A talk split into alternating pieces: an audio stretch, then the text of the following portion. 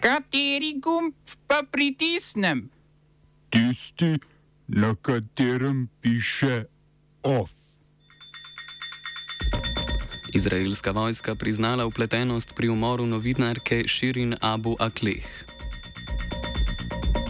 Slovaška vlada ostala brez parlamentarne večine. Po Vučičevi izjavi zunanje ministrstvo na pogovor poklicalo srpsko veleposlanico. Slovenska industrija jekla v drastično krčenje proizvodnje.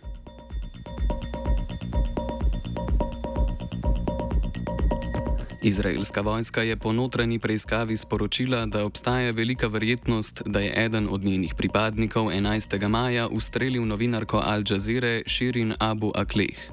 To se je zgodilo med poročanjem iz palestinskega begunskega taborišča Dženin, kjer je izraelska vojska izvedla racijo. Palestinska stran Al Jazeera in Katar so za umor obtožile izraelsko vojsko. Izraelske oborožene sile so doslej trdile, da je težko določiti, kaj se je zgodilo, za umor pa obtožile kar palestinca.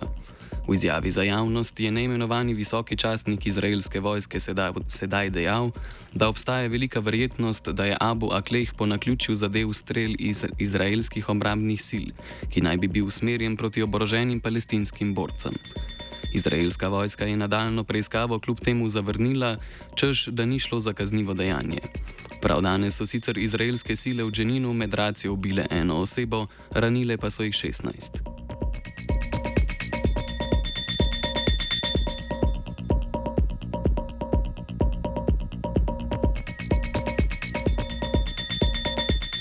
V jedrski elektrarni Zaporožje so zaradi požara, ki je nastal kot posledica obstreljevanja, izklopili zadnji delujoči reaktor. Ukrajinski minister za energetiko German Galuščenko je ponovno pozval k prekinitvi okupacije jedrske elektrarne in vzpostavitvi demilitariziranega območja okoli nje. V Zaporožju se je sicer prejšnji teden začela misija strokovnjakov Mednarodne agencije za jedrsko energijo, katerih naloga je preučiti stanje v elektrarni. Generalni direktor agencije Rafael Grossi je opozoril, da je bila tako imenovana fizična celovitost jedrske elektrarne večkrat kršena.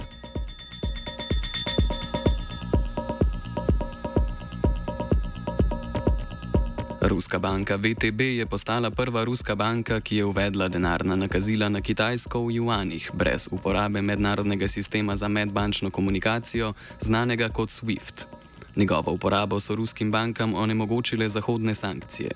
Po mnenju izvršnega direktorja VTB Andreja Kostina bo uvedba sistema za nakazovanje juanov olajšala poslovanje podjetij in posameznikov s kitajskimi partnerji. Najvišji znesek posameznega denarnega nakazila lahko znaša do 20 milijonov rubljev, kar je okrog 330 tisoč evrov.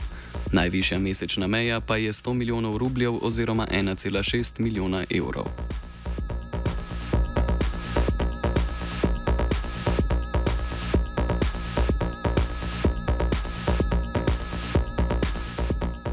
Na Slovaškem so odstopili trije ministri iz vrst koalicijske stranke Svoboda in Solidarnost, krajše SAS. Odstopili so zunani minister Ivan Korčok, minister za izobraževanje Branislav Groling in ministrica za pravosodje Marija Kolikova. Po odstopu ministrov in izstopu stranke SAS iz koalicije ima premijer Edward Heger iz stranke navadnih ljudi in neodvisnih osebnosti v parlamentu le še podporo 70 poslancev, šest manj od večine. Zato je premijer napovedal, da bo oblikoval manjšinsko vlado. Politično krizo je povzročil ultimat, ki so ga liberalci na začetku poletja postavili trenutnemu finančnemu ministru in vodji vladajoče stranke Igorju Matoviču. Dejali so, naj do konca avgusta odstopi, sicer bodo odstopili sami. Spor je zanetil milijardo evrov vreden svežen za premostitev draginje, ki ga je predlagal Matovič, v parlamentu pa je bil sprejet z glasovi de desnih poslancev. V Matovičevi stranki so ponudili njegov odstop, a le, če bi poslanci stranke SAS na glasovanju podprli paket pomoči. Matovič je premijski stolček prepustil Hegerju iz lastne stranke aprila lani.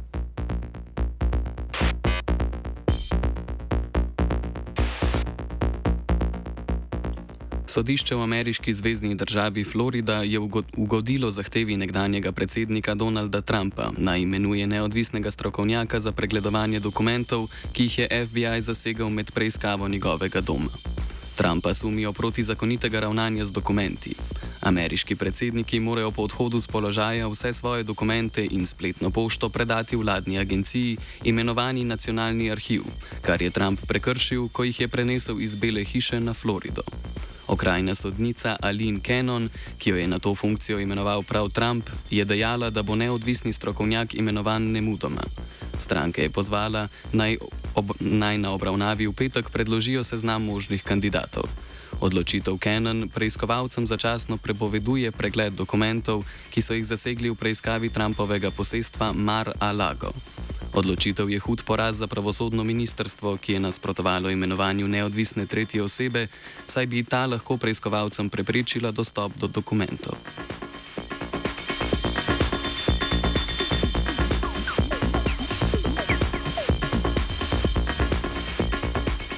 V Sarajevskem kantonu v Bosni in Hercegovini so začeli projekt, ki učenkam omogoča dostop do brezplačnih higijenskih uložkov. Projekt obsega tudi izobraževanje o menstrualnem zdravju posameznic. Njegov cilj pa je zmanjšati menstrualno revščino. Po statističnih podatkih ženske v Bosni ob vsaki menstruaciji za higijenske pripomočke porabijo okrog 50 bosanskih mark, kar je približno 25 evrov. smo se osamosvojili, nismo se pa osvobodili. Naslednje število je še 500 projektov. Izpiljene modele, kako so se strani nekdanje LDS rotirali. Ko to dvoje zmešamo v pravilno zmes, dobimo zgodbo o uspehu. Takemu političnemu razvoju se reče udar. Jaz to vem, da je nezakonito, ampak kaj nam pa ostane? Brutalni obračun s politično korupcijo. To je Slovenija, tukaj je naša zemlja, to je Slovenija, Slovenija, Slovenija. Ministrstvo za zunanje zadeve je zaradi izjav srpskega predsednika Aleksandra Vučiča na pogovor povabilo veleposlanico Srbije v Sloveniji Zorano Vlatkovič. Vučič je na novinarski konferenci ob srečanju s predsednikom Borutom Pahorjem na novinarsko vprašanje, zakaj Srbija nima sankcij proti Rusiji, odgovoril: Kako naj pojasnim državljanom, da bomo uvedli sankcije proti Rusiji, ki ni kršile ozemeljske celovitosti Srbije, ne pa proti Sloveniji, ki je to storila. Skliceval se je na slovensko priznanje Kosova, kar je po srpskem prepričanju kršitev mednarodnega prava.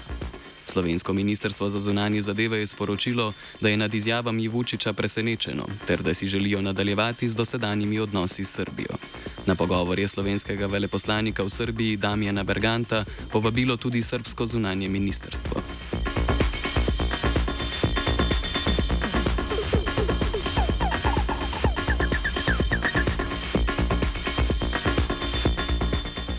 Kočevski župan Vladimir Prebilič je zbral več kot 5000 potrebnih podpisov za vložitev kandidature za predsedniške volitve.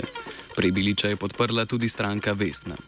V dogovoru o sodelovanju je Prebilič obljubil, da bo v, v primeru izvolitve oblikoval funkcijo svetovalca za podnebno politiko.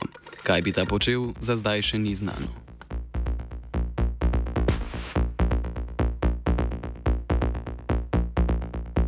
V tekmo za funkcijo predsednice republike pa ne bo vstopila evropska poslanka Nove Slovenije Ljudmila Novak. Po neuradnih informacijah slovenske tiskovne agencije bo za Novo Slovenijo kandidiral nekdani minister za delo Janez Cigler Kralj. Nov svojega predsedniškega kandidata napoveduje tudi Levica. Predstavili naj bi ga v 14 dneh.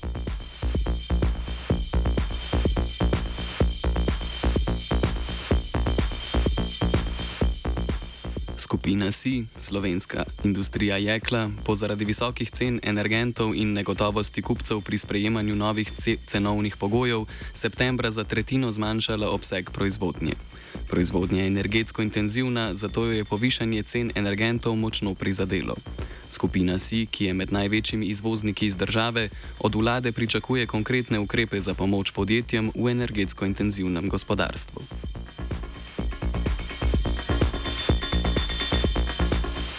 auf ESP Salatia.